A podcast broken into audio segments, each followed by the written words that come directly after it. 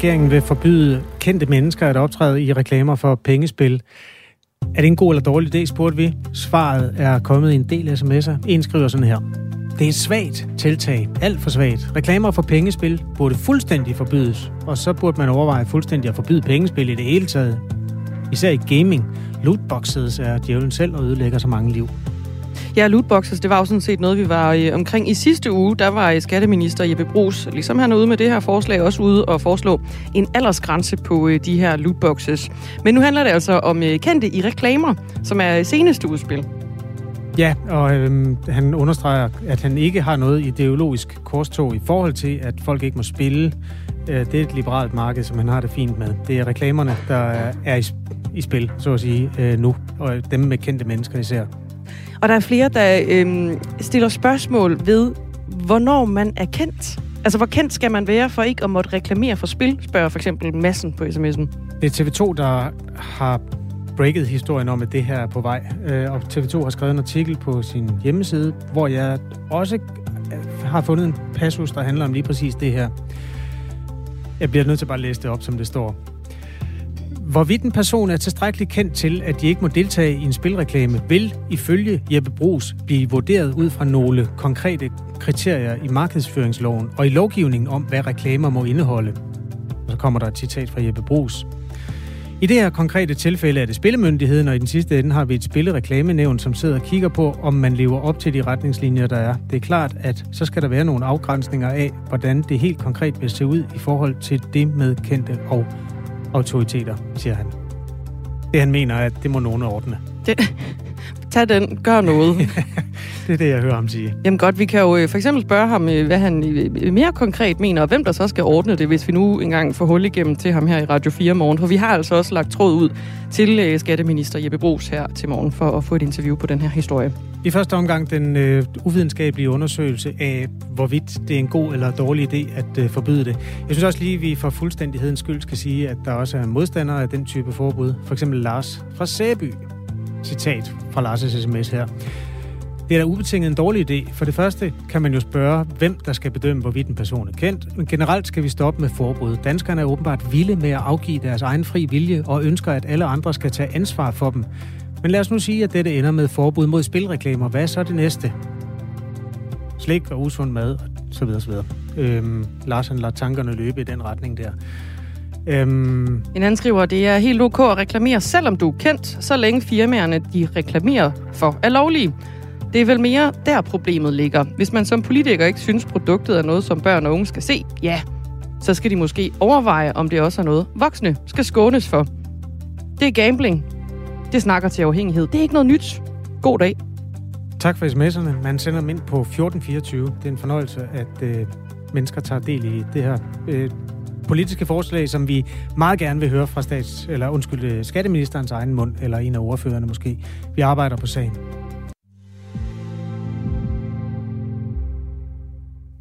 Først skal vi til en øh, anden sag, for det skal være obligatorisk at undervise i Mohammed-krisen i de danske folkeskoler. Det mener i hvert fald et bredt flertal, som består af en samlet blå blok, og så også regeringens støtteparti SF. Det kunne vi fortælle i går i Radio 4 morgen.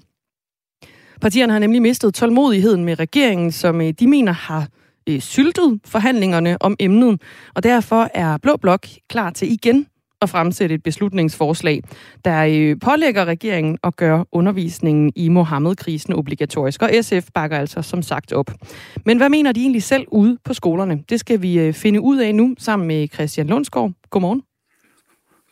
Godmorgen. Du er lærer på Vestervangsskolen i Randers, hvor du underviser i naturfag og matematik, og så sendte du en sms ind i går til øh, vores nummer, der hedder 1424, da vi søsatte historien her om øh, flertallet i Folketinget. Du mener ikke, at man skal gøre det obligatorisk at undervise i Mohammed-krisen. Hvorfor mener du ikke det? Jamen, det mener jeg egentlig ikke, fordi øh, vi bliver nødt til at kunne skille tingene en lille smule ad. I øh, folkeskoleloven, der har vi jo øh, hvad hedder det, metodefrihed som lærer, og det synes jeg, vi bliver nødt til at værne rigtig, rigtig meget om. Øh, det er jo ikke et spørgsmål om, at jeg ikke vil anerkende, at Mohammed-krisen har eksisteret, og den ikke øh, har fyldt en del i samfundet. Slet ikke. Øh, det er bare rigtig, rigtig vigtigt, at vi er opmærksomme på, jamen, hvad er det egentlig, det her det handler om. Øh, og, og, og der er mange andre ting, vi kunne, øh, vi, vi kunne diskutere og, og vende i folkeskolen, som øh, vi tænker mindst lige så, eller som jeg tænker, er mindst lige så relevant i forhold til Mohammed-krisen. Hvad, hvad handler det her om, hvis man ser det fra din stol?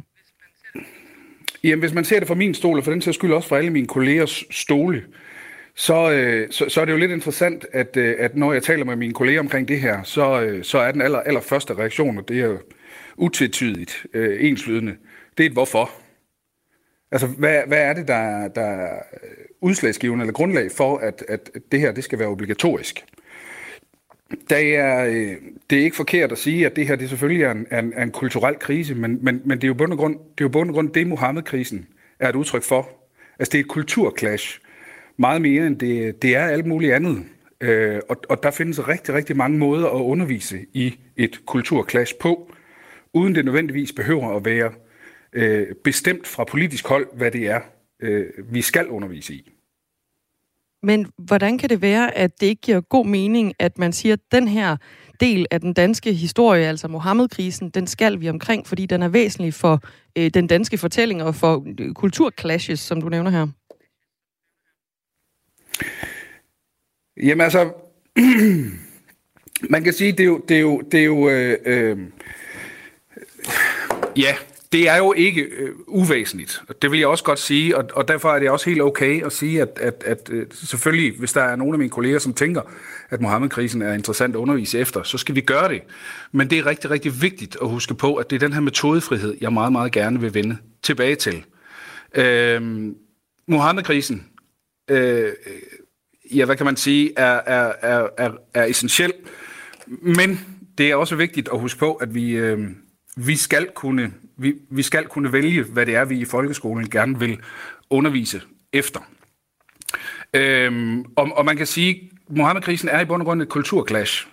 Og, og, øh, og, og derfor kan man så sige, at vi skal, vi skal også kunne sige, jamen, hvad hedder det, øh, andre kriser, som man kan bruge i den sammenhæng. Det kunne for eksempel være at sige, jamen, øh, en, en konflikt, der har haft betydning for Vesteuropa i måske større grad end Mohammed-krisen. Det er jo krisen i Palæstina og Mellemøsten, hvor man kan sige, jamen, jamen hvad er det egentlig, der, øh, der gør, at Mohammed-krisen er, er, er, er vigtig øh, at, at undervise efter? Det er, øh, for mig handler det rigtig meget om, at, at politikere skal, øh, skal passe på med at blande sig alt for meget i, i, i folkeskolens metodefrihed. Det er rigtig, rigtig vigtigt, at politikere har holdninger til, hvad, hvad folkeskolen skal og, og, og skal, skal styre efter. Men, øh, men vi bliver nødt til at kunne, kunne adskille tingene en lille smule ad. I den forstand, at, øh, at politikere skal i samarbejde med, med folkeskolens aktører selvfølgelig udstikke retninger og, og rammer for, hvad det er, øh, hvad det er øh, folkeskolen skal kunne og, og skal gøre. Øh, men det er rigtig, rigtig vigtigt, at vi lader, vi lader de professionelle, altså øh, os og mine kolleger, som står ude blandt, blandt eleverne, øh, træffe de beslutninger, som de tænker er, er de bedste for at, øh, for at udfylde øh, de rammer. Men så risikerer man vel også, at der er ja. nogle elever, som ikke bliver undervist i den her øh, del af den danske historie, altså Mohammed-krisen. Gør man ikke det? Øh, jo, men, men, men, men det er igen det der med, at vi bliver nødt til at, at se på, hvad er det egentlig formålet med folkeskolen er. Altså formålsparagrafen handler jo selvfølgelig omkring, at vi skal danne og uddanne de unge mennesker til at kunne, kunne leve i, øh, i, det, i det danske samfund.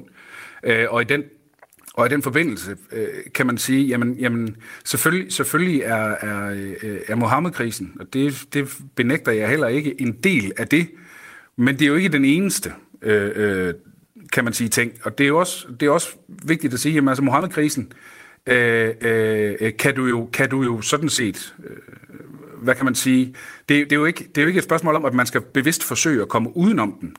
Men så længe det handler omkring et, øh, en konflikt mellem, lad os kalde det, øh, den vestlige verden, og så måske øh, øh islam, som det her jo i bund og grund er et udtryk for, jamen det kan vi jo, det kan vi jo påvise, eller, eller tale om, eller, eller forklare, eller lære eleverne på mange måder. Det behøver jo ikke nødvendigvis at være, være igennem øh, Mohammed-krisen. På hvilke andre måder mener du, man kan lære øh, eleverne om det kultursammenstød, der var under Mohammed-krisen ved at se bort fra den? Jamen i bund og grund så er det jo et spørgsmål om at så sige, jamen, jamen hvad er det for nogle, øh, hvad er det for nogle, øh, nogle faktorer, hvad er det for nogle, øh, lad os kalde det, øh, øh, kulturelle eller for den sags skyld religiøse faktorer, som gør sig gældende i de forskellige kulturer og de forskellige religioner på verdensplan. Og det er jo blandt andet også noget af det, som vi skal undervise i, jævnføre, jævnføre formålsparagrafen for blandt andet religionsfaget. Men, men, men, det, er jo, men det er jo vigtigt at, at, at huske på, at, at øh, det her er ikke et enestående tilfælde. Øh, og, og, derf, og derfor handler det jo om, at, at vi, kan, vi kan skille tingene ad. Øhm, man kan sige, kul- kulturmødet sker hele tiden, og det sker hver dag. Øh, og, og Mohammed-krisen er, er, er en, en forsvindende lille del af det kulturmøde, som, som vi og mine kolleger, og for den sags skyld alle vores elever, oplever øh, på daglig basis. Men det handler jo dels om et øh, kulturmøde, men det handler også, eller et kultursammenstød kan man måske nærmere kalde det, men det handler jo også om ytringsfrihed, det her Christian Lundsgaard. Hvorfor er det ikke væsentligt at tage den del med ind i den her debat? Jamen ytringsfrihed skal vi jo selvfølgelig værne om, og det er, du, øh, øh, du må virkelig ikke eller øh, misforstå mig, når det er, jeg siger andet. Selvfølgelig skal mm. vi værne om ytringsfriheden, og det skal vi så sandelig også i, i, i folkeskolen. Øh, men ytringsfrihed er jo mange ting, og ytringsfrihed er ikke nødvendigvis det samme som ytringspligt. Øh, vi skal også danne vores, øh, vores elever i, øh, i, øh, i, i folkeskolen øh, på, øh, øh, altså, i, i forhold til det her med at så sige, jamen, jamen respekt for hinanden, respekt for, for andre kulturer og alverdens ting og sager. Øh, Mohammed-krisen er... Øh, øh, har en slem tendens til for rigtig, rigtig mange mennesker at være betegnet med, øh, med et, et, et sammenstød, og for den sags skyld øh, noget, hvor, hvor man kan tale omkring, at, at der sker en, en, en optrapning af en konflikt mellem, mellem den, den, den vestlige verden og så, så den, den muslimske verden. Øhm, og, og, og, og det, det, det er ikke nødvendigvis noget, der, der, der gavner fortællingen og dannelsen af, af samtlige elever i den danske folkeskole. Øhm. Christian Lundsgaard, du skal have tak, fordi du var med her til morgen. Ja, selv tak. Lærer på en øh, folkeskole, det er altså i øh, Randers. Du kan naturligvis også byde ind på, øh, på sms'en i forhold til den her historie. Mener du, at undervisning i Mohammed-krisen skal være obligatorisk i skolen, eller skal det være valgfrit set fra øh, din stol? Du kan skrive ind på sms'en, der hedder 1424. Og så vil jeg også gerne lige nævne, at vi har forsøgt at spørge Danmarks Lærerforening, om øh, de vil stille op til et interview om det her politiske flertal for at gøre undervisning i Mohammed-krisen obligatorisk. Foreningen har afvist, fordi de mener, at øh, de har fortalt deres holdning til emnet, også fordi der ikke var nogen i ledelsen, der havde øh, tid til at stille op. Men vi fortsætter historien. I næste time, der taler vi nemlig med en forælder, som kalder obligatorisk undervisning i Mohammed-krisen for en øh, god idé. Vi kan lige tilføje, at vi talte med formand for Skolelederforeningen, Claus Hjortdal, om det her tidligere. Øh, og han var næsten træt øh, allerede inden interviewet gik i gang, fordi han kaldte det sådan en form for øh, Øh, rituel råberi. Når politikerne siger det der, så kommer det i medierne, og så går der valgkamp i den. Han mente ikke, det var øh, seriøst i den forstand. Hverken interviewet eller øh, for så vidt det politiske forslag. Det er der heldigvis andre, der gør, og man er velkommen til at forholde sig sådan en til en til det politiske udspil, som nu altså støttes af Blå Blok og SF, og dermed tegner et flertal. Klokken er 19 minutter over syv. Du lytter til Radio 4 morgen på en tirsdag. Vi gjorde det! Missionen på Radio 4 er taleradio, der handler. Vi kan godt lide at gøre noget. Ja! Yeah. Ikke? Ikke bare tale. Fra mandag til torsdag kaster Amalie Bremer og Tony Scott sig over en ny mission. Vi to taler jo meget. Mm-hmm. Og så har vi en handlende kraft. Ja, ja. Jamen, sådan har vi fordelt det. Som er reporter, Rasmus. Ah! Når det rigtig bliver svært, så siger vi, og nu stiller vi over til dig, Rasmus. det skal du gøre. Lyt til missionen mandag til torsdag fra 15 til 17. Radio 4 taler med Danmark. En lærebog til idrætsundervisning, der bliver brugt på over 100 danske gymnasier, foreslår, at eleverne også undervejs i et 8 ugers træningsforløb skal en tur på vægten og have målt deres BMI undervejs for at øh, kunne aflæse effekten af at sætte ind med kost og motion. Det er problematisk, synes nogen. For eksempel gymnasieeleven Safina Skytte Østerby, der går i 3.G, og som er i gang med det her forløb. Hende talte vi med tidligere på morgenen, og hun mener, at det er meget problematisk. Det er et problem, fordi at så mange unge mennesker i dag øhm, er sårbare og udsatte for netop at få en spiseforstyrrelse, eller allerede har en spiseforstyrrelse, så kan man trigge noget, som gør det endnu værre ved netop at putte en vægt ind i et klasserum på den måde, som det er blevet gjort. Thomas Sand Skadhede er gymnasielektor og forfatter til den her lærebog, øh, som altså får kritik. Du underviser også selv i forløbet. Godmorgen, Thomas Sand Skadhede. Godmorgen. Godmorgen. Hvorfor er det vigtigt, at eleverne undervises i vægt og BMI og vejes undervejs? jeg tror, vi bliver nødt til lige at, at få tingene helt på plads, at det er jo ikke det, der er tale om. Øh, træningsprojektet er et 8 ugers projekt, som er bekendtgørelsesbestemt. Det er altså et lovgivningsmæssigt noget, man skal igennem. Det er ikke noget, vi har bestemt. Øh, det handler om kondital, så man øh, møder ind efter sommerferien, typisk i 3.G, og gennemgår en starttest, som er en kondimåling. Og så er der et 8 ugers forløb, hvor man træner, og hvor man øh, i øvrigt øh, modtager en masse teoretisk undervisning omkring øh, træning, som er det, der er det primære. Og så efter 8 uger, så har man en sluttest, hvor man også får målt kondition. Øh, det er det, det handler om. Så kan man vælge at, at opgradere, kan man sige, ren øh, teoretisk forståelse ved, at man inddrager nogle sundhedsparametre ud over kondition, så kondital ikke står alene. Og en af de her parametre er så øh, det her forsmedelige BMI, som det er blevet til, som jo altså kræver øh, kendskab til ens vægt. Det gør kondital faktisk også. Man skal faktisk øh, dividere ens ildoptagelse med, med vægten, hvis man skal have det rigtige kondital. Mm. Øh, så, så kendskab til ens vægt øh, er, er sådan lidt uomtvisteligt på en eller anden måde, men man kan altså godt komme afsted med ikke at, at bruge egen vægt. Man kan godt forholde sig til BMI øh, rent teoretisk. Man skal, man skal kunne det, fordi det er simpelthen en vigtig sundhedsparameter. Det er en del af idrætslig faglighed, så man skal vide, hvad BMI er, man skal kunne forholde sig til det, og vores bog gør rigtig meget ud af at forklare, hvad BMI er, hvorfor det kan være usikkert, øh, og, og alle mulige ting, man skal, man skal passe på i forhold til BMI. Og der er altså mange, mange, mange, mange, mange, mange andre sundhedsparametre, mm. som man også kan inddrage, som, kan, som simpelthen kan opkvalificere på en eller anden måde. Ikke? Så, så det her med at reducere det til, at det hele handler om, at man skal vejes ned i, ned i hallen, hvilket i øvrigt ikke foregår, så det er, det er jo Jeg afbryder dig, Thomas Sandskadehed. Du får ja, lige lov at høre Safina Skytte Østerby. Hun fortalte tidligere på morgen, hvordan vejningen foregår. Først så skulle vi tage en uh, bip-test i, um, ja, i hallen, og så efterfølgende var det muligt, at man kunne gå ind og veje sig. Som udgangspunkt blev det sat op som om, at det, det kunne man bare gøre, men så var vi flere, der synes, at det var ubehageligt, der gik op til læreren og sagde, hey, øhm, det synes vi faktisk er ubehageligt, kan vi være fri? Og så var læreren lydhør, og vi fik lov til at, at det blev valgfrit, men øhm, men som udgangspunkt er det bare dårligt, at det overhovedet kommer ind i undervisningen på den måde, fordi de kan trick så mange ting hos så mange mennesker. Med os er altså lige nu Thomas Sand Skadehed, der er gymnasielektor og forfatter til den her lærebog, og som har tænkt tankerne. De udmyndtes altså åbenbart ikke øh, helt ens alle steder. Her var det lagt op til, at øh, det er sådan, man bare lige følger strømmen og går ind og vejer sig. Der var også nogen, der sagde fra. Øh, hvad synes du om det? Jamen altså, jeg bliver nødt til at henvise til, at i bogen, der foreslår vi, at man kan inddrage vægten mm. i kraft af den her BMI-måling her. Der er ikke noget krav, hverken i læreplanen eller noget som helst, om, at man skal vejes, som der også fremgår af interviewet, øh, og som de her piger jo har sagt gentagende gange, så var det jo frivilligt, og det synes jeg er en væsentlig pointe, øh, at, at det er selvfølgelig fuldstændig frivilligt, og der er jo rigtig mange, der ikke har noget problem altså, det var, det var, med at Jeg tror, vi skal nok øh, lade pigen selv øh, fortælle, øh, hvor, hvor frivilligt det var. Altså, det, hun fortæller, det var, at det blev det sagde hun gjort. Det sagde hun jo. Ja, øh, det de sagde fik, hun jo, at det, det viste sig, at det var de frivilligt. De fik mulighed for at fravælge det, da de sagde, det synes vi ikke er fedt. Og ja, det, det er selvfølgelig det er også at gøre det frivilligt, men det er ikke det samme som at sige, har du lyst til at gå op på vægten? Men, men nu, er jeg jo, nu er jeg jo en af dem, der er lærebogsforfatterne. Jeg, kan jo ikke, jeg ved jo ikke, hvad der foregår i den enkelte lektion. Det kan jeg jo ikke uh, tage ansvar for. Nej, nej, det, er selvfølgelig ikke en, en, et, det er selvfølgelig ikke oplagt, at man står på en lang række og bliver vejet ned i hallen. Uh, hvis man vejes ned i hallen, Øh, hvis det foregår, jamen så, så gør man det i nogle, øh, i nogle mindre grupper, og ellers så gør man det bare derhjemme, eller så lader man være. Det er jo det, der er hele pointen. Man behøver ikke at blive vejet. Vægten er ikke nødvendig for konditaget, for træningsprojektet, men det opkvalificerer rent faktisk ens mulighed for at få en indsigt i egen sundhed. Og, og det her, det her med, at vi skal, vi skal tige alt ubehageligt ihjel, det er ret problematisk. Og i vores bog, mange andre steder, behandler vi altså de her emner her. Vi behandler også Pigerne siger også, jamen vi skal have, hvorfor skal vi ikke starte med den psykiske sundhed? Jamen det gør vi også. Det er der også med i bogen. Alt muligt omkring psykisk sundhed, social sundhed, familiær sundhed. Træningsprojektet handler bare ikke om det. Øh, så det, det er ret enkelt, hvad det angår, kan man sige. Men når det så er sagt, jeg har da fuld forståelse for, at, øh, at det for nogen er problematisk med vægten. Det er fuldstændig forståelse for, og jeg ved det, jeg selv lærer, jeg, jeg har da også nogle elever selv, som har et anstrengt forhold til det, og så lader man bare være. Altså længere er den sådan set ikke.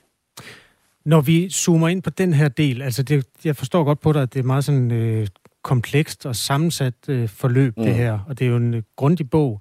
Men vi zoomer ind på den her, fordi det er den, der skiller vandene. Det, det er sådan, man ja. nogle gange gør.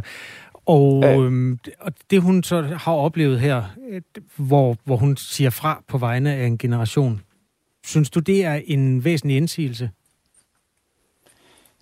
Nej, jeg synes ikke, man kan sige fra på vegne af en generation. Det, det gør hun jo heller ikke. Vi har jo masser af elever, som ikke har noget problem med at gennemføre træningsprojekter. Og vi har masser af elever, der vejer sig. Vi har sågar elever, der sender før-efter billeder, uden at det overhovedet er en del af det. Mm. Så, så der er mange sider af sagen her. Det er bare vigtigt at fastslå, Træningsprojektet er bekendtgørelsesbestemt, det er lovgivningsmæssigt, det skal man lave. Det handler om kondital først og fremmest, og så handler det om sundhed. Og det brede sundhedsbegreb, WHO's definition af sundhed, det er alt andet end bare lige den fysiske sundhed. Det er alt muligt andet også. Og det er meget relevant, og det skal man også behandle, og det gør bogen også. Men træningsprojektet, det handler om kondition, så kan man opkvalificere det ved hjælp af de her sundhedsparametre. Man kan lave nogle teoretiske beregninger. De skal vide, hvad BMI er. De skal kende til, til betydningen af BMI og usikkerheden ved BMI. Så kan de bruge deres egen vægt, hvis de vil det. Det er fuldstændig frivilligt. Eller de kan lade være. De kan bruge nogle, øh, nogle fiktive tal. Det er sådan set underordnet.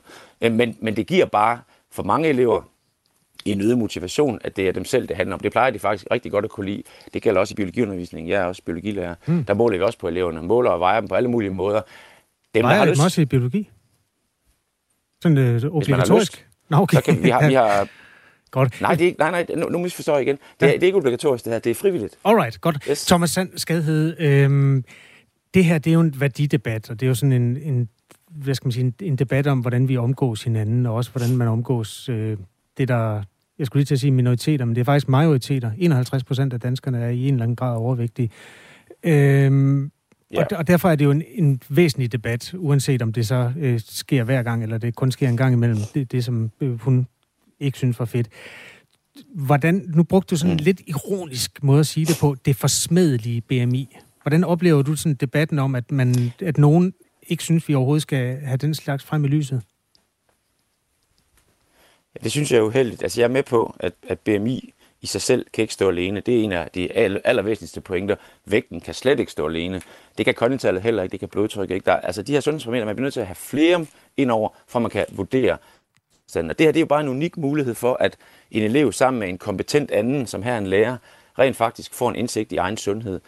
Det bør man øh, være, øh, være glad for, at kan være en mulighed. Og så er det rigtigt, ja, så er der sårbare elever, dem skal vi, dem skal vi selvfølgelig tage hånd om, og det har jeg altså meget, meget stor tiltro til, at man gør ude på skolerne, også, øh, også blandt de dygtige idrætslærer, jeg ved, der er. Så, så det her med, at vi, skal, at vi skal endelig ikke tale om de svære ting, det er netop det, skolen skal have. Nu havde jeg lige øh, indslaget med Mohammed-tegningerne før. Ikke? Mm. Altså, det er også en svær ting. Hvad, hvad, hvad pokker gør vi der? Ikke? Og det er det også en svær ting. Hvis vi tiger tingene ihjel, øh, i, i lærebøger for eksempel, hvis vi ikke forholder os til BMI, forholder os til betydning af sundhed osv., hvor får man så informationerne fra? Jamen det gør man fra Google eller YouTube eller venner og bekendte, og så bliver det halve sandheder.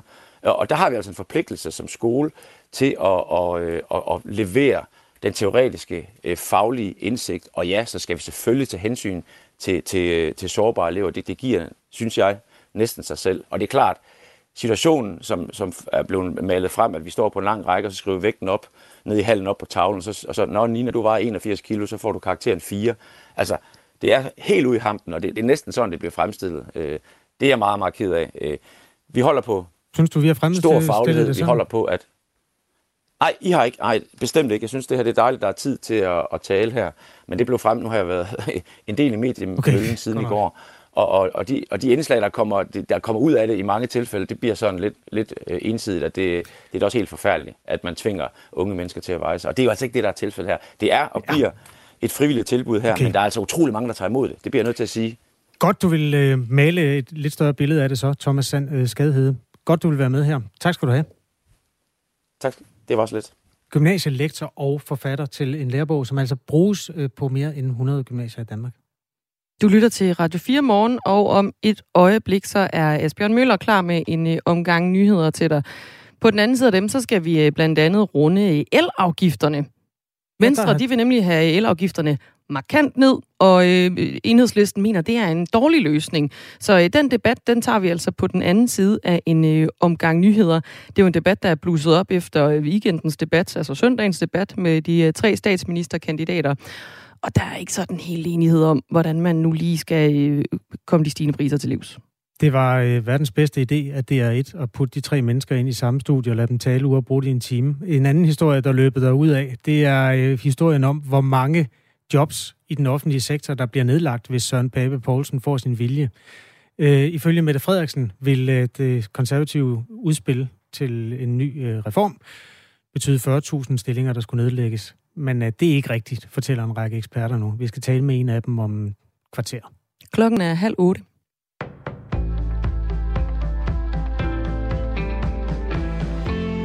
Det irske datatilsyn har idømt det sociale medie Instagram en rekordhøj bøde på 405 millioner euro for brud på regler om håndtering af børns personoplysninger. Det oplyser tilsynet ifølge nyhedsbyrået AFP. Bøden svarer til godt 3 milliarder kroner. Vi vedtog vores endelige beslutning i fredags, og den indebærer en bøde på 405 millioner euro, oplyser tilsynet Irelands Data Protection Commission i en erklæring.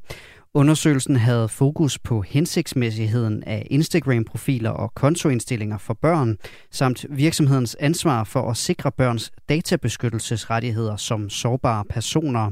Ifølge en talsperson for Instagram er de uenige i den måde, bøden er blevet udregnet på, og det sociale medie planlægger at anke beslutningen.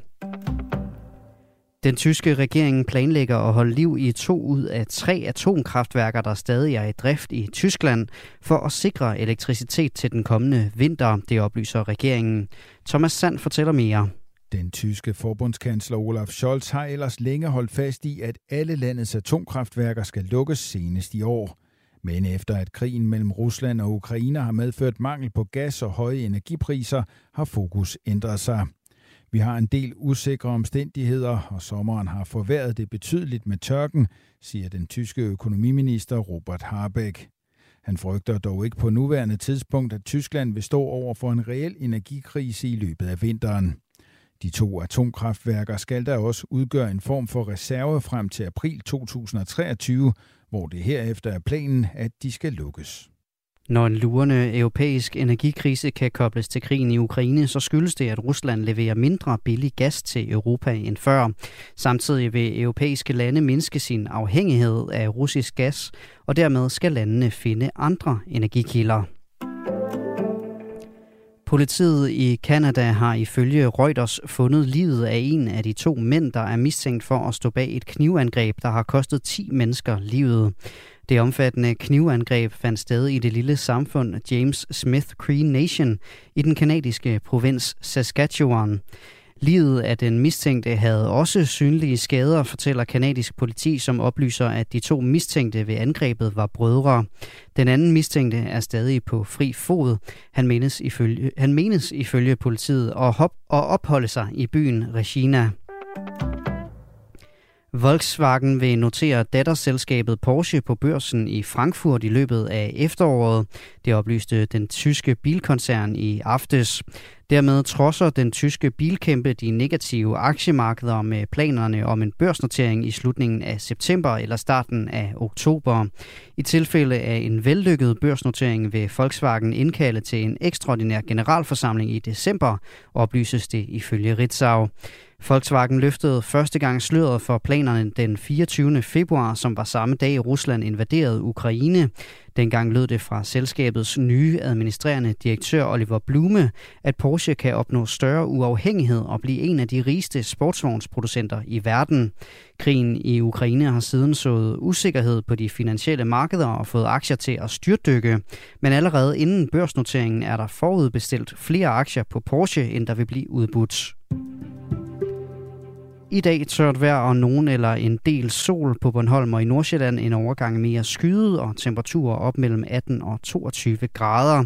Varmest bliver det i de sydvestlige egne. Jævn til, jævn til frisk vind fra øst og sydøst. Det var nyhederne på Radio 4 med Asbjørn Møller.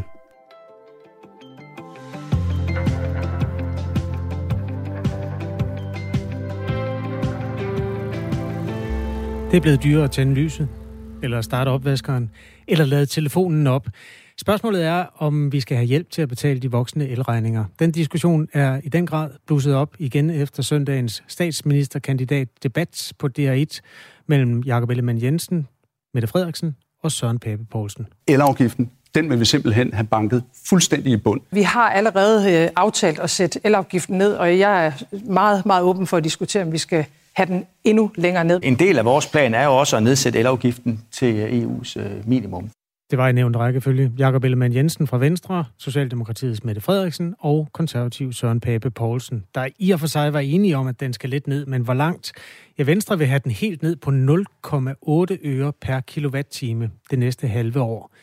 Det svarer til det mindste, man må opkræve efter EU's regler. Lige nu er der en afgift på godt 70 øre per kilowatt-time.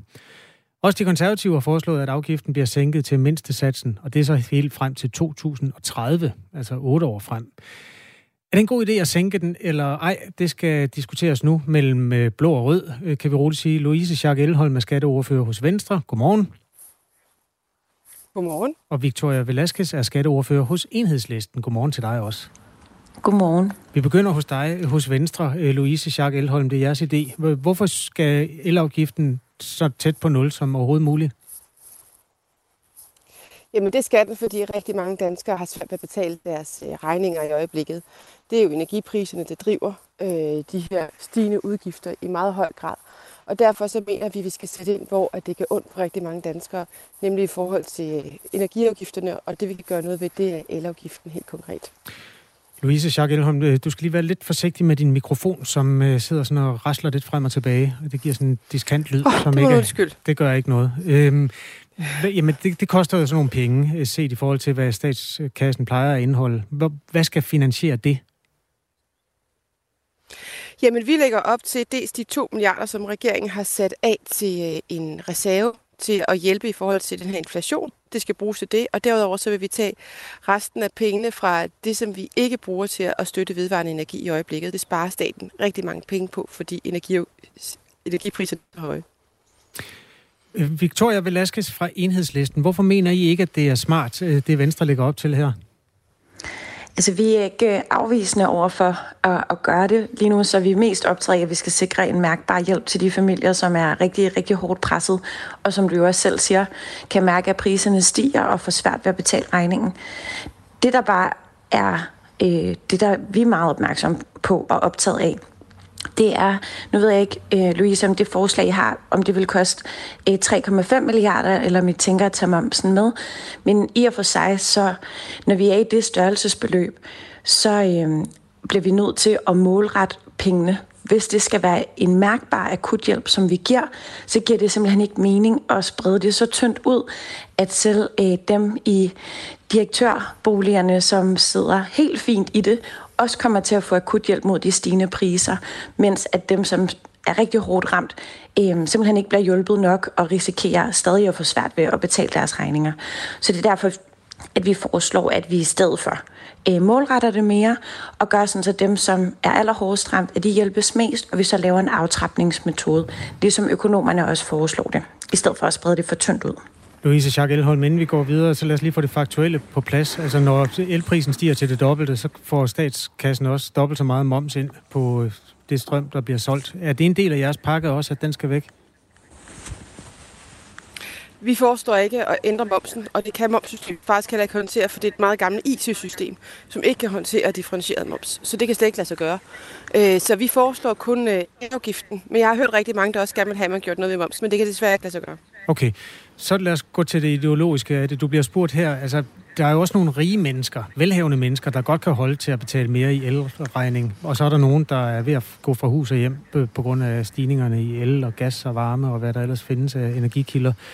Hvorfor går I ikke sådan mere målrettet efter at hjælpe dem, der har problemer? Jamen, jeg kan sige, der er, øh, jeg synes, tre rigtig gode grunde til at, at gøre det på den her måde. Den første, det er, at øh, det er sådan set nærmest alle indkomstgrupper, der er ramt af det her. Folk har jo sat sig efter, hvad deres indkomst er, og de oplever alle sammen stigende priser. Altså, det stiger jo med lige mange procent, uanset hvor meget du betaler i, øh, i, øh, i el. Så derfor så vil der jo være øh, den situation, at alle mennesker oplever et enormt pres. Det er den første grund. Den anden grund, det er, at øh, vi synes ikke, den måde varmesjekken fungerede på, hvor man netop forsøgte at sende det ud til dem, som havde mest brug for det fungerede. Det viste jo, den ramte skævt. Og det viser, hvor svært det er at ramme sådan noget rigtigt. Altså, det blev sendt ud til folk, der slet ikke havde gas, eller som, øh, som måske ikke havde brug for det.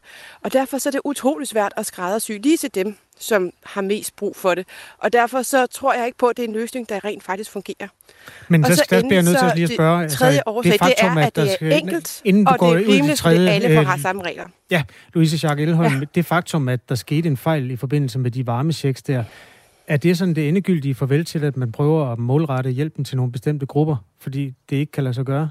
Er det det, jeg hørte dig sige? Jeg siger i hvert fald, at den måde, man gjorde det på, der synes jeg ikke fungerede. Jeg synes, det var øh, pinligt, alle de mennesker, som fik check, der ikke havde behov for det, og alle dem, der havde behov for det, som ikke fik det. Og det er bare et illustration af, hvor svært det er at målrette sådan noget. Og derfor skal man passe meget på, hvis man går ud af den vej. Victoria Velasquez fra Enhedslisten. Hvis man fjerner afgifterne for alle, så hjælper man også alle de danskere, der ikke er på overførselsindkomster, men som går på arbejde og som måske også godt kunne tænke sig at have lidt flere penge, øh, som også øh, oplever et dyk i rådighedsbeløbet. Hvorfor er du ideologisk mod at hjælpe dem også? Det er jeg egentlig heller ikke. Altså, det, som, som vi peger på, det er dem, som sidder rigtig fint i det. Altså, vi ved, at den disponible indkomst, folk har, er jo meget forskellig, og den købekraft, folk har i Danmark, er også meget forskellig. Og øh, hvad man så har mulighed for at kunne bruge pengene på, er jo også igen meget forskellige. Så for eksempel er der mange, der går på arbejde, som altså ikke har en helt vildt stor købekraft, og som ikke tager på ferie øh, flere gange om året, eller har et forbrug på alle mulige forskellige ting som de i nogle situationer og kriser som dem her kan skære ned på, det er et stramt budget, som man kører med. Og det er også derfor, at det vi peger på, det er egentlig ikke øh, varmegækken det, øh, det synes vi kun blev bekræftet, at det er noget råd. Plus at det her med, at så er der nogle grupper, der bliver valgt til, og nogle andre, der bliver glemt og sådan noget. Det, øh, ja, det er noget værre noget. Så, og derudover, så er der også hele pointen i, at energipriserne stiger rigtig meget, men vi kan også godt se for eksempel en pakke smør til 30 kroner. Det er også fødevarepriserne, der stiger. Det er også udgifterne i forhold til transport. Så det er flere ting end kun energien. Så det vi peger på, det er, at vi laver en målrettet skattelettelse, hvor at vi giver det største mærkbare løft til dem, som har den mindste indkomst, og så laver en aftrapning, så vi netop også får dem med i lavindkomstgrupper og nogle af de familier, som jo, som du selv siger, går på arbejde, men som derfor stadig godt kan sidde hårdt i det. Og der foreslår vi, at vi bruger den metode, vi allerede kender fra den grønne check, så vi ikke skal ud i at skabe en eller anden ny IT-løsning, så det kan ske hurtigt, og sådan så vi ved, at der ikke kommer til at ske nogen fejl. Den fungerer på årlig basis på en fin måde.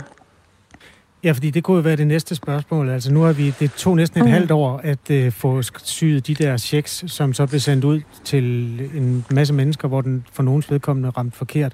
Er du sikker på, at der ligger et mm. køreklart system til at, at sætte det her i verden? Jamen, da vi forhandlede det, så foreslog vi det sidste gang, at i stedet for at vi valgte nogle grupper øh, frem, at vi så kiggede på netop, hvad for en indkomst man havde. Og der fik vi at vide fra Skatteministeriet, at man på meget kortere tid altså på måned, altså to måneder, ville kunne udbetale igennem den grønne check. Så det ville kunne gå meget hurtigere.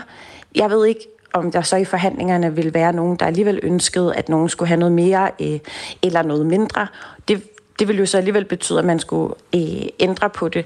Men hvis man gør det sådan helt rent ud fra den måde, som den grønne check fungerer på i dag, man bare skruer det op, så vil man netop kunne få pengene ud meget hurtigere.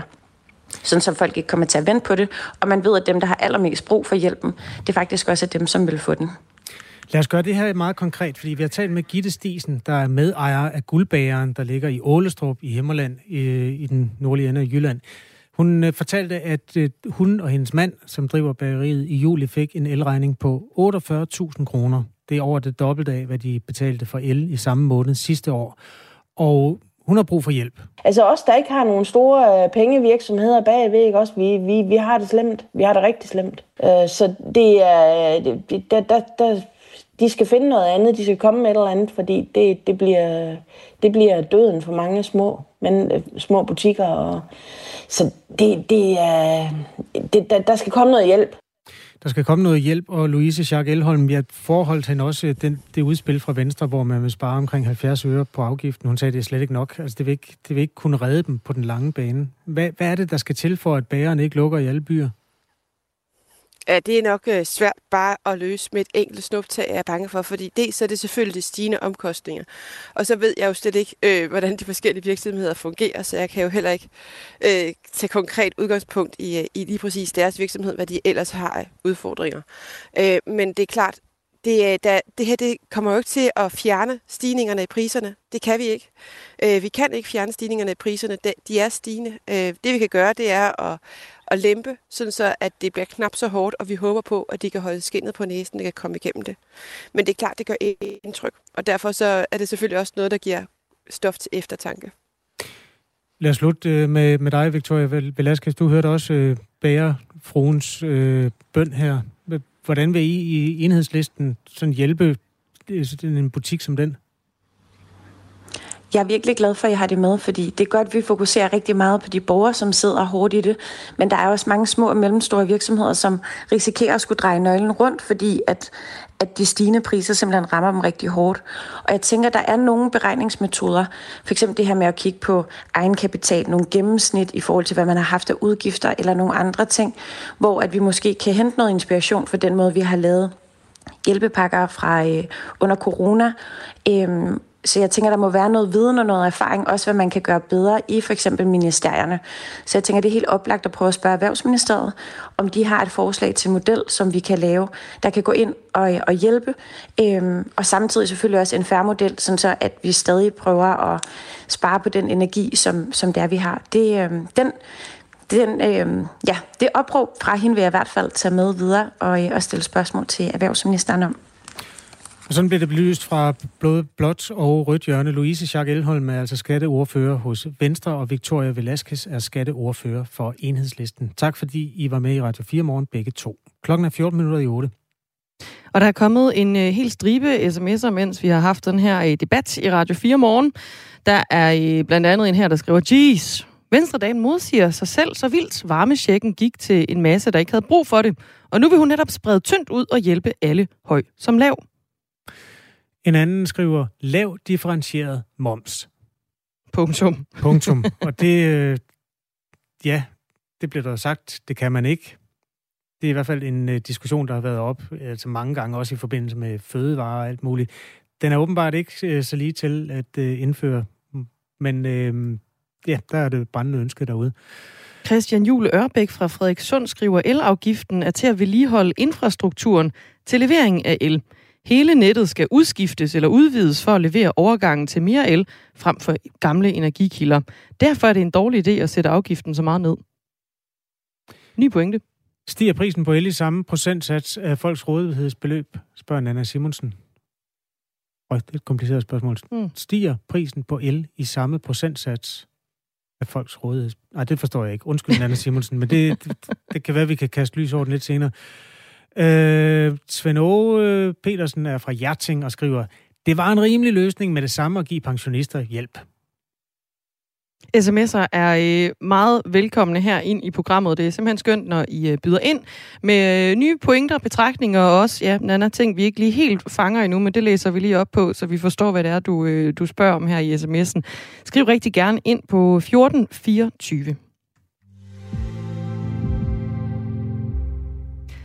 Da statsministerdebatten den løb over skærmen på DR1 i søndags, var der en diskussion om tal.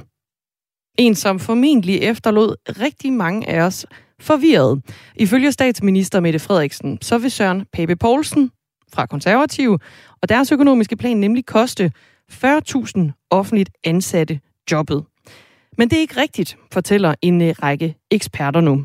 Allerførst så skal vi lige høre, hvordan det lød på DR1. Det øh, Søren Pape Poulsen foreslår, det er, at man helt fjerner topskatten og i stedet for gennemføre besparelser i den offentlige sektor, der vil betyde, at 40.000, cirka 40.000 offentlige ansatte skal fyres. 40.000, det er godt nok mange sygeplejersker og mange sosuer. Og har du de Og det der, jamen, du ligger op til en nulvækst eller 0,1 procents ja. vækst. Og det betyder så store fyringsrunder Nej. i den offentlige sektor. Jo, det du gør dokumentere. Det. Du kan ikke stå her og beskylde mig for at vi fyre 40.000 mennesker. Men det kan du klart dokumentere, dokumentere sort på hvidt. De beregninger er allerede lavet. Lavet af hvem? Af Finansministeriet. Dem går jeg ud fra, alle stoler på. Men det er jo ikke korrekt. På, Hvordan kan det koste 40.000 menneskers job, når den offentlige sektors samlede økonomi skal stige med 0,1? Hvordan kan, det blive, hvordan kan det, folk blive fyret af det? Det er, der, det er der en virkelig, virkelig vigtig årsag til. Og så kløede de altså ellers lige lidt frem og tilbage, Mette Frederiksen og øh, Søren Pape Poulsen. Mette Frederiksen, hun kaldte det også for øh, det største eksperiment med velfærdssamfundet i vores levetid. Men beregningerne er øh, lodret forkerte. Det siger du, Per Nikolaj Buk. Godmorgen. Godmorgen professor i økonomistyring ved Aalborg Universitet. Jeg tror, vi har sådan en uh, lidt ulden forbindelse til dig, Per Nikolaj Buk. Kan jeg bede dig om at gå en smule tættere på et vindue, monstro? Er det bedre nu? Det er meget bedre nu. Tak skal du have. Øh, du mener altså, at de her beregninger er lodret forkerte. Hvorfor er det, Mette Frederiksen tager fejl, når hun siger, at det vil betyde, at 40.000 offentligt ansatte skal fyres? Altså Altså, det er jo både spørg- spørgsmål om, om tallet de 40.000, og så om det her indebærer fyringer. Øh, hvis vi tager tallet først, så henviser hun til, at Finansministeriet har lavet en beregning, hvor det står sort på hvidt. Og øh, når man så går ind og ser den beregning, så er den ja, for det første lavet til et andet formål, men lad os nu lige lade det hvile, og så bare se på, at øh, de konservatives plan jo indebærer en 0,1 procent stigning af de offentlige udgifter. Hvorimod at Mette Frederiksen hun siger, at øh, 0,0 eller 0,1 det betyder det samme.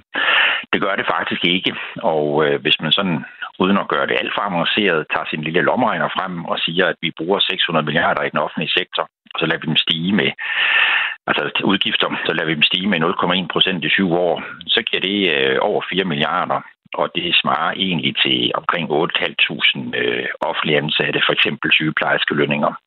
så det skal vi jo trække fra, så, så, så, så i, i givet fald vil det blive 33.000. Okay, så det vil være med de konservatives økonomiske planer 33.000 færre ansatte om 7-8 år? Ja, altså hvis vi holder, hvis vi holder fat i, at præmisserne er rigtige, så er, er Mette Frederiksen tal jo i hvert fald ikke rigtigt, og det står heller ikke så på vidt noget sted. Den anden del af det, det er jo så, at øh, når man så siger, at der skal fyres, og så siger hun i forlængelse, at det er sygeplejersker og socioassistenter. Øh, den del af det, det er i hvert fald øh, fuldstændig forkert. Det er sådan, at vi er faktisk 740.000 fuldtidsansatte, altså omregnet til fuldtidsansatte i den offentlige sektor. Og når vi ser på, den naturlige personalomsætning, som man siger, altså hvor mange af os, der øh, enten går på pension eller finder et andet job undervejs, så er det jo 20 procent, så det er hen i nærheden af hinanden. Pierre Nikolaj Buk, han røg af. Vi forsøger lige at få øh, hul igennem til øh, Per Nikolaj Buk igen på en øh, telefon. Men det er altså oven på øh, den her debat på DR1 søndag aften, hvor der var lidt øh, forvirring omkring de her øh, offentligt ansatte, det kan koste jobbet for, med konservativs økonomiske plan. Ifølge Mette Frederiksen, så var det 40.000, der ville øh, blive fyret, hvis man følger de konservatives plan. Men det fortæller Per Nikolaj Buk nu altså, at det er, øh, ja, det er ikke helt sandheden. Tallene ser anderledes ud. Mette Frederiksens plan ville i øvrigt også, det hører med til historien, øh, betyde en beskæring på omkring 11.000 stillinger. Det er i hvert fald en af de øh, øh, udlægninger af den socialdemokratiske vej ind i, i fremtiden, som foreligger. Så ja, der er mange tal i det her, men det store spørgsmål er selvfølgelig, om man læser tallene rigtigt, og det er det, statsministeren øjensynligt ikke har gjort i første omgang. Nej, og nu forsøger vi at få øh, hul igennem til øh, Per Nikolaj Buk, der altså er professor i økonomistyring. Vi bøvler lige en lille smule med at få øh, linjen op at køre, men jeg tror, den er der nu, Per Nikolaj Buk. Ja, jeg har i hvert fald. Du er der igen. igen. Det er simpelthen så godt. Godmorgen igen. Øh, Mette Frederiksen, hun siger jo altså, at det er øh, cirka 40.000, der øh, mister jobbet med de konservatives økonomiske plan. Kan man sige, at de her 33.000, du siger, er det mere retvisende tal, er cirka 40.000, eller har hun fuldstændig misforstået den? Altså de 40.000, det er under hendes egen præmisser i hvert fald forkert. Det er 33.000. Og så er der spørgsmålet om det her, det indebærer fyringer, og det er socialassistenter og sygeplejersker, der skal fyres. Øh, og det er i hvert fald fuldstændig forkert, fordi vi er 740.000 ansatte i den offentlige sektor, og der er omkring 20 procent, altså hen ved 1.500.000, der hver eneste år finder et andet job og går på pension. Så øh, man skal ikke fyre nogen, man skal bare ansætte lidt, øh, lidt lidt færre. Og hvad angår sygeplejersker og socialassistenter, der ved vi jo alle sammen, at det er det, vi mangler. Så hvis nogen tænker på at fyre dem, så, så, så er det jo en helt vanvittig plan, og det er der ingen tænker på. Så er det her en, kan man sige, en, øh, en uheldig fejl, eller øh, hvordan ser du den her situation, som statsministeren har bragt sig selv ud i med talforvirringen? Altså noget af det kan jo altid være lidt en, en strid om ord, om man, om man kan kalde noget fyringer, hvis folk selv har fundet den job, de heller vil have. Øh, det, øh, men, men altså, jeg tænker, at, at øh, det her jo måske kan undskyldes med, at hun ikke forstår, hvordan tallene er beregnet, og, og, øh, og ikke rigtig er inde i forholdene konkret. Det kan jo også godt forstås på den måde, at hun egentlig forsøger at tegne et skræmmebillede, hvor, hvor dem, der ser det her, de tænker, åh nej, hvis vi øh, stemmer på de konservative, øh, så bliver det et blodbad, og alle mulige mennesker skal fyres, så vi får færre hjemmehjælpere og sygeplejersker. Øh, det, sådan, det indtryk kunne man godt få af det, men det er i hvert fald forkert, at der skal fyres mange. Men det bliver altså i hvert fald ikke et blodbad, fordi det handler ikke om, at man skal fyre, det handler om, at man bare ikke skal ansætte flere, som jeg forstår dig. Ja, det, vil, det vil det være. Og så øh, er den diskussion mellem øh, de konservative og Socialdemokratiet er måske også en, en diskussion omkring, hvad er det, hvad forstår vi egentlig ved service i den offentlige sektor? Øh, det, der er lidt pudsigt ved øh, med det tilgang til det, det er, at hun næsten får det til at virke som om, at årsagen til, at vi har en offentlig sektor, det er, at vi skal beskæftige medarbejdere. Øh, og, og hvis det var det, så er det selvfølgelig et problem, vi ikke har medarbejdere. Øh, men det er jo ikke altid det, der egentlig er formålet med at have den offentlige sektor. Nogle gange så vil man også se sådan på, at vi har nogle opgaver, vi skal have løst. Vi skal levere noget service, og det er derfor, vi har medarbejdere, og det er derfor, vi får udgifter. Og det er jo mere Søren Pave Poulsens tilgang til det hvor han tager afsæt i, hvad er det for nogle opgaver, vi skal løse, og øh, kan vi løse de opgaver, øh, uden vi nødvendigvis skal tilføre flere ressourcer. Og det kan vi jo faktisk, fordi der er en naturlig produktivitetsudvikling. Øh, så, så, så man kan godt løse opgaverne bedre, og så samtidig tilføre, føre, øh, øh altså egentlig uden at føre, føre, føre flere penge til, og så fører han jo en lille smule til. Men altså, det er rigtigt nok. Jo flere penge vi bruger, jo flere medarbejdere kan vi have, øh, og jo flere øh, offentlige ydelser kan der jo også leveres. Pierre Nikolaj Bugge, altså professor i økonomistyring ved øh, Aalborg Universitet. Lagde du selv mærke til den her fejl, da du så debatten i søndags? Ja, det gjorde jeg faktisk, fordi at øh, sådan lige i første omgang, der anede jeg ikke, hvor de her tal øh, kom fra. Og det viser sig også, at det var et, et, et svar til, øh, til Rasmus Jarlovs spørgsmål til ministeren, som var blevet offentliggjort altså, simpelthen en-to dage i forvejen. Øh, og Pave Borgen kendte dem jo til synlædende heller ikke, så jeg tror, jeg blev lige så overrasket som ham. Fordi det, at øh, man vil tilføre flere ressourcer, og så man ender ud i en situation, hvor der er færre medarbejdere, det, det virker egentlig naturstridigt, når man lige hører det. Mm. Øh, så jeg stod tidligt op næste dag og fandt, hvad det drejede sig om, og tog øh, lommeregneren frem. Øhm, og, øh, og, og det, der er mekanikken i det her, som er en lille smule teknisk, jamen det er, at når de offentlige lønninger stiger mere end produktiviteten, og de private, øh, den private prioriteter højere, og jamen, så de udgifter, man har, de penge, man bruger, de vil skifte lidt mere over på på køb af, af varer og tjenestydelser i den private sektor, øh, og dermed jo lidt mindre til, øh, til offentlige ansatte. Ja, så er der nogle modeltekniske ting i det, som er, som er frygtelig indviklet, så, så, så mekanikken er egentlig rigtig nok. Per Nikolaj Buk, jeg vil lige inden øh, vi runder af her, vi har simpelthen lige fået et øh, svar fra øh, Finansministeriet øh, om det her. Øh, vi har forsøgt at få et interview med den politiske ordfører for Socialdemokratiet, Rasmus Stocklund, men han har ikke kunne være med her til morgen. Vi har også ragt ud til Finansministeriet for et interview med finansminister Nikolaj Vammen, og så har vi fået fået øh, det følgende skriftlige svar fra finansministeren for kort tid siden. Og nu læser jeg op. Søren Papes plan for Danmark er en bombe under vores velfærd. Med Søren Papes politik vil der komme ca. 40.000 færre offentligt ansatte.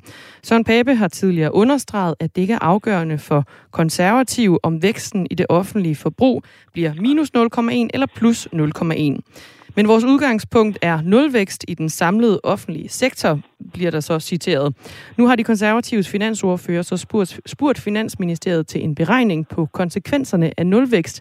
Den viser, at der med nulvækst kommer ca. 40.000 færre offentlige ansatte i 2030, givet de sædvanlige beregningsprincipper. Altså holder de jo fast i de her øh, 40.000 færre offentligt ansatte. Hvad siger du til det? Ja, det kan jeg egentlig ikke forstå, hvorfor de gør, når, når øh, alle andre, der har kigget på tallene, er enige om, at det ligger et sted mellem 30 og 35. Øh, så, så det synes jeg for det første er, øh, er noget underligt. Og så er der jo også en anden ting i det faktisk, når man kigger på Finansministeriets beregning, så vil Socialdemokratiets plan, hvor man fremskriver øh, efter det, vi kalder demografiske træk, det vil betyde, at der er 11.000 færre. Så, øh, så, så det har egentlig ikke noget at gøre med den politik, man fører, men det har noget at gøre med den relative løn- og produktivitetsudvikling, der er. Så, så, så det, det handler ikke om de konservatives plan. Så øh, hvis, hvis vi følger den her logik, og Socialdemokratiet vandt, så bliver der 11.000 færre. Hvis det er de konservative, så, der, så bliver det 33.000 værre. Der er en forskel på 20.000 medarbejdere. Det er noget, der gradvist indfases frem mod øh, år øh, 2030. Og i den mellemliggende periode, jamen, der er jo andre steder i den offentlige sektor, hvor der også måske sker nogle udvidelser af andre årsager, øh, og der sker nogle produktivitetsgevinster, så, så, øh, så, så det ligner ikke noget som helst blodbad, synes jeg. Og jeg jo heller ikke, øh, altså, vi har jo i andre perioder set øh, udvikling, der er fuldstændig magen til. Meget kort her til slut, Per Nikolaj Buk. Øh, Jens han skriver ind på vores øh, sms 1424. Det er en overordentlig politisk professor, jeg har i radioen. Er der noget om snakken? Ganske kort. Nej, jeg, jeg, jeg, jeg synes egentlig, jeg udtaler det, øh, mig relativt nøgtert omkring det, og siger, at øh, der er en fremskrivning, som øh, med Socialdemokratiets plan vil give en demografisk vækst, og, og det er en, øh, 11.000 færre. Det er Finansministeriets beregning. Og så vil øh, Finansministeriets principper anvendt på de konservative plan give minus 33. Det er en forskel på 20.000. Det, det er relativt nøgternt. Lød det altså fra Per Nikolaj Buk, professor i økonomistyring ved Aalborg Universitet. Klokken er 8.